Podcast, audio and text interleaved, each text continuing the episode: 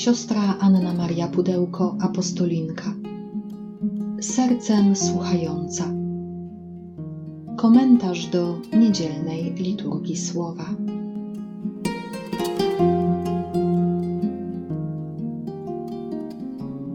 Z Ewangelii według świętego Jana.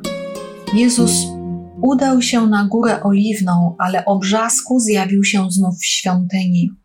Cały lud schodził się do niego, a on, usiadłszy, nauczał ich. Wówczas uczeni w piśmie i faryzeusze przyprowadzili do niego kobietę, którą dopiero co pochwycono na cudzołóstwie. A postawiwszy ją pośrodku, powiedzieli do niego: Nauczycielu, tę kobietę dopiero co pochwycono na cudzołóstwie. W prawie Mojżesz nakazał nam takie kamienować.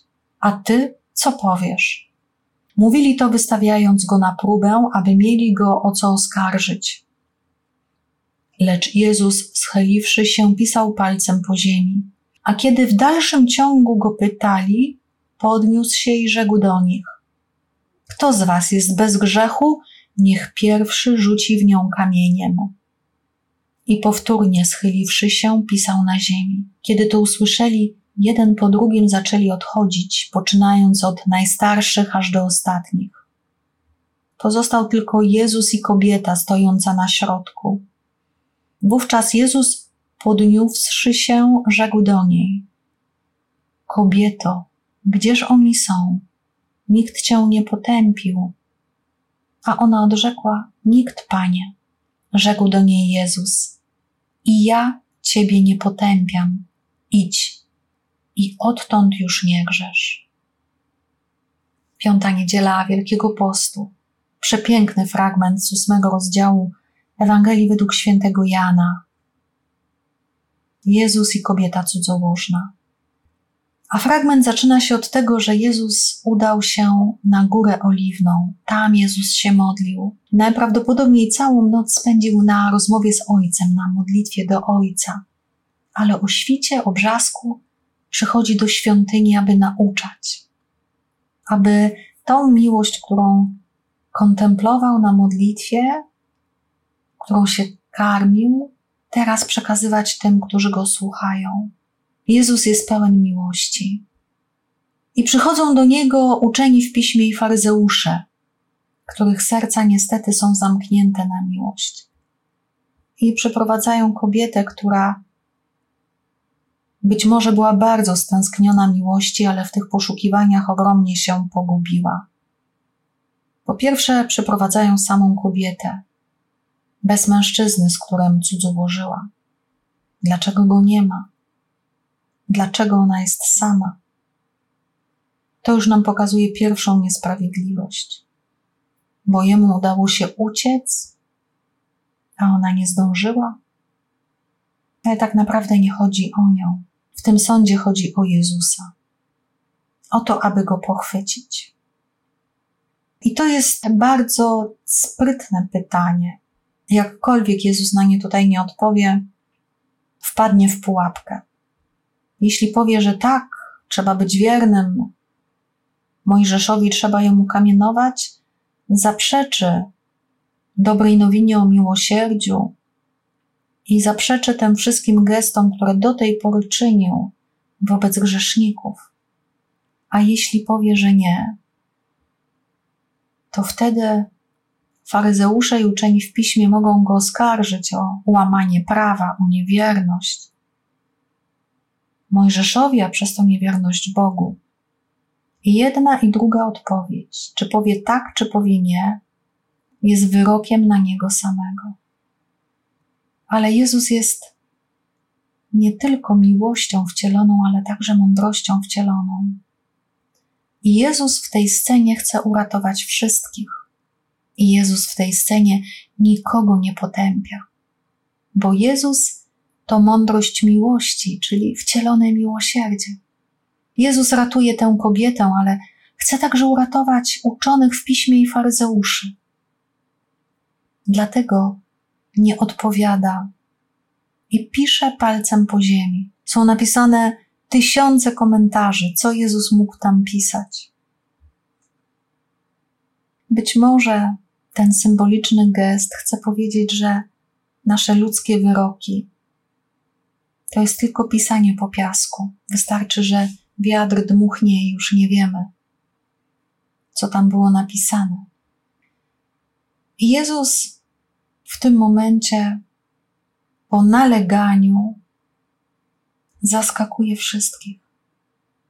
Kto z Was jest bez grzechu, niech pierwszy rzuci w nią kamieniem. To jest ogromne zaproszenie do autorefleksji. Jeśli jesteś grzesznikiem, nie osądzaj i nie potępiaj drugiego grzesznika. Nie masz do tego prawa. I uczeni w piśmie i faryzeusze wypuszczają kamienie z rąk i zaczynają odchodzić.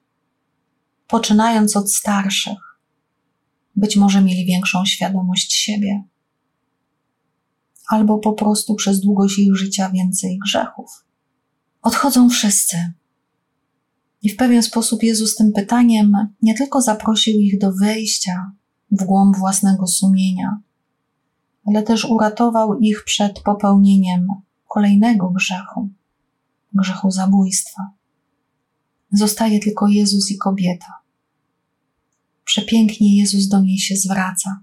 Nie mówi do niej, ty grzesznico, ty cudzołożnico. Mówi do niej kobieto. Jezus patrzy na nią jako na umiłowaną córkę Ojca, stworzoną przez Ojca. Kobieto, gdzież oni są? Nikt cię nie potępił. On wie, że nikt jej nie potępił, ale chce, żeby kobieta się o tym przekonała, że to, że grzeszy, nie jest jeszcze motywem, by ją potępiać. Dlatego Jezus mówi do niej kobieto, ponieważ przywołuje jej godność, jej wartość. Grzech nas rani, grzech czasami nas ogromnie upadla, ale nigdy nie narusza naszej godności i wartości, bo ona jest darem od Boga. Nikt, Panie. Ta kobieta nazywa Jezusa Panem, uznaje Go swoim Panem, Kyrios. W niej zaczyna rodzić się wiara. I Jezus mówi do niej, ja Ciebie nie potępiam. Nasz Bóg nie jest tym, który potępia, ale nasz Bóg wzywa do nawrócenia. Idź i odtąd już nie grzesz. Idź, ponieważ ja Ci przebaczam, ponieważ ja Ciebie kocham, we mnie znajdziesz siłę do tego, by nie powracać do Twoich dawnych grzechów. I tylko we mnie znajdziesz tą siłę. Jakże to wielka, dobra nowina dla nas. Bez względu na to, w kim się dzisiaj odnajdujemy, czy w tej kobiecie, czy w uczonych piśmie i faryzeuszach, Jezus pragnie dotrzeć do nas i uwolnić nas od naszego grzechu. Czy będziemy sami siebie potępiać, czy będziemy oskarżać innych, Jezus mówi, że jest inna droga. Uznać swoją grzeszność i zawierzyć ją Bogu, poprosić o przebaczenie i być wolnym od własnego grzechu. To miłość czyni nas nowymi. I ta miłość jest opisana w pierwszym czytaniu, we fragmencie z księgi proroka Izajasza. Tak mówi Pan, który otworzył drogę przez morze i ścieżkę przez potężne wody, który wyprowadził wozy i konie, także i potężne wojsko upadli, już nie powstaną, zgaśli jak knotek zostali zdmuchnięci. Nie wspominajcie wydarzeń minionych, nie roztrząsajcie w myśli dawnych rzeczy. Oto ja dokonuję rzeczy nowej, pojawia się właśnie. Czyż jej nie poznajecie? Otworzę też drogę na pustyni, ścieżyny na pustkowiu. Sławić mnie będą zwierzęta polne, szakale i strusie, gdyż na pustyni dostarczą wody, i rzekł na pustkowiu, aby napoić mój lud wybrany. Lud ten, który sobie utworzyłem, opowiadać będzie moją chwałę. Bóg obiecuje wyzwolenie. Bóg obiecuje, że ten naród, który idzie przez pustynię, otrzyma wodę, że Pan dokona rzeczy nowej, że Pan dokona przemiany, Oto ja dokonuję rzeczy nowej, pojawia się właśnie, czyż jej nie poznajecie? Oby Bóg dał nam oczy wiary, tak abyśmy widzieli Jego działanie w naszej codzienności. Jak ten wielki post mnie zmienia? Czy zmienia mnie w ogóle czas Wielkiego Postu? Psalmista w Psalmie 126 opisuje tą przemianę, która w Bogu może się dokonać, której Bóg w nas może dokonać. Gdy Pan odmienił los Syjonu, wydawało się nam, że śnimy. Usta nasze były pełne śmiechu, a język śpiewał z radości. Mówiono wtedy między narodami, wielkie rzeczy im Pan uczynił, Pan uczynił nam wielkie rzeczy i radość nas ogarnęła. Odmień znowu nasz los, o Panie, jak odmieniasz strumienie na południu. Ci, którzy we łzach sieją, rządź będą w radości. Idą i płaczą, niosąc ziarno na zasiew. Lecz powrócą z radością, niosąc swoje snopy. Kiedy Pan dokonuje przemianę, dla nas to jest tak piękne, tak nowe i tak zaskakujące jak sen. Kiedy Pan zaczyna działać w naszym życiu, nasze usta stają się pełne śmiechu i chcemy śpiewać z radości. I ci inni, którzy patrzą na nas, mogą powiedzieć wielkie rzeczy im Pan uczynił. I kiedy raz doświadczamy Bożego działania w naszym życiu, to wtedy mamy ochotę ponownie wołać do Boga: odmień znowu nasz los, o Panie. Bo ci, którzy we łzach sieją, rządź będą w radości. Ziemia palestyńska to ziemia, gdzie jest dużo suszy. Kiedy jest mało ziarna, kiedy rolnik musi iść i siać, to faktycznie jego serce drży, czy będzie plon. Dlatego we łzach sieją, bo nie mają pewności. Ale potem, jeśli zaufają Panu i Pan błogosławi, będą dokonywać żniw w radości, niosąc obfite snopy. W drugim czytaniu słyszymy wyznanie świętego Pawła, apostoła. Ogromne wyznanie miłości po tym, jak poznał Chrystusa, jak go spotkał, kiedy Jezus stał się naprawdę dla niego wszystkim, sensem jego życia. Bracia, wszystko uznaję za stratę ze względu na najwyższą wartość poznania Jezusa Chrystusa, mojego Pana. Dla Niego wyzułem się ze wszystkiego i uznaję to za śmieci, bylebym pozyskał Chrystusa i znalazł się w Nim, nie mając mojej sprawiedliwości pochodzącej z prawa, lecz Bożą sprawiedliwość otrzymaną dzięki wierze w Chrystusa.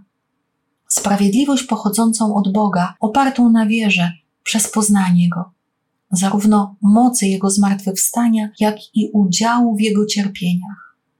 W nadziei, że upodabniając się do Jego śmierci, dojdę jakoś do pełnego powstania z martwych.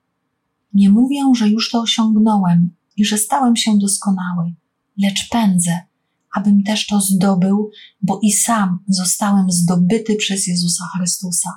Bracia, ja nie sądzę o sobie samym, że już zdobyłem, ale to jedno czynię, zapominając o tym, co za mną, a wytężając siły ku temu, co przede mną, pędzę ku wyznaczonej mecie, ku nagrodzie, do jakiej Bóg wzywa w górę w Chrystusie Jezusie. Tak może mówić tylko ten, kto kocha do szaleństwa, bo odkrył, że ktoś najpierw ukochał go do szaleństwa. Do szaleństwa życia oddanego z miłości. Paweł mówi, że wszystko uznaje za stratę. To, kim jest, to, co zdobył, to, co potrafi, to, co posiada, że to wszystko tak naprawdę jest niczym wobec wartości poznania Chrystusa. I tutaj nie chodzi o poznanie intelektualne, tu chodzi o poznanie, które jest bliskością więzi, bliskością relacji, głębią więzi. Paweł mówi, że został zdobyty przez Jezusa Chrystusa.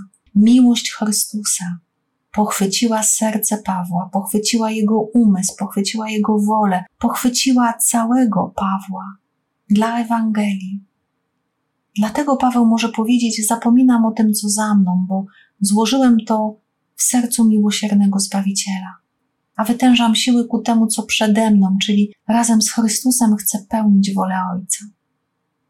I po to są nam właśnie święta Wielkiej Nocy.